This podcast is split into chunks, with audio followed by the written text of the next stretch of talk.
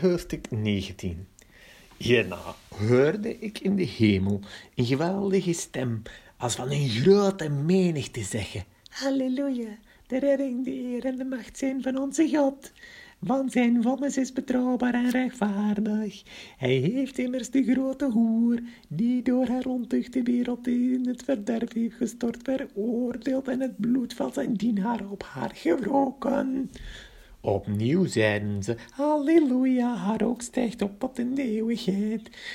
De 24 oudsten en vier wijzen wierpen zich neer voor God die op de troon zit en aanbaden hem met de woorden, Amen, Halleluja. Vanaf de troon klonk een stem die zei, Loof onze God, laat al zijn dienaren die ontzag voor hem hebben, jong en oud, hem loven. Toen hoorde ik iets als een stem van een grote menigte, van geweldige watermassa's en van krachtige donderslagen zeggen, Halleluja, de Heer onze God, de Almachtige, heeft het koningschap op zich genomen. Laten we blij zijn en jubelen, laten we hem de eer geven, want de bruiloft van het lam is gekomen en zijn bruid staat klaar. Zij mag zich kleden in zuiver stralend linnen want dit linnen staat voor al het goede dat gedaan is door de heiligen. Toen zei hij tegen mij, schrijf op, gelukkig zijn zij die voor het bruiloftmaal van het lam zijn uitgenodigd. En hij vervolgde, wat God hier zegt is betrouwbaar. Ik werp me aan zijn voeten neer om hem te aanbidden. Maar hij zei, doe dat niet. Ik ben een dienaar zoals jij en zoals je broeders en zusters die van Jezus getuigen. Je moet God aanbidden, want getuigen van Jezus is profeteren.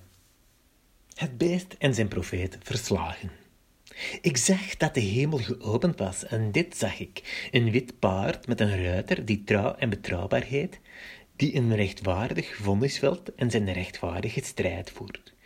Zijn ogen waren als een vlammend vuur en op zijn hoofd had hij veel kronen.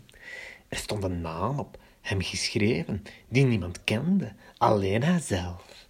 Hij droeg met bloed doordrenkte kleren. Zijn naam luidde Woord van God. De hemelse legermacht, gekleed in wit, uh, zuiver linnen, volgde hem op witte paarden. Uit zijn mond komt een scherp zwaard waarmee hij de volken zal slaan, en hij zal hen met een ijzeren herderstaf hoeden. Hij zal de wijnpers van de hevige woede van de Almachtige God treden. Hij zal de wijnpers van de hevige woede van de Almachtige God treden. Op zijn kleding en op zijn dij staat de naam Hoogste Heer en Koning. Toen zag hij een engel midden in de zon staan.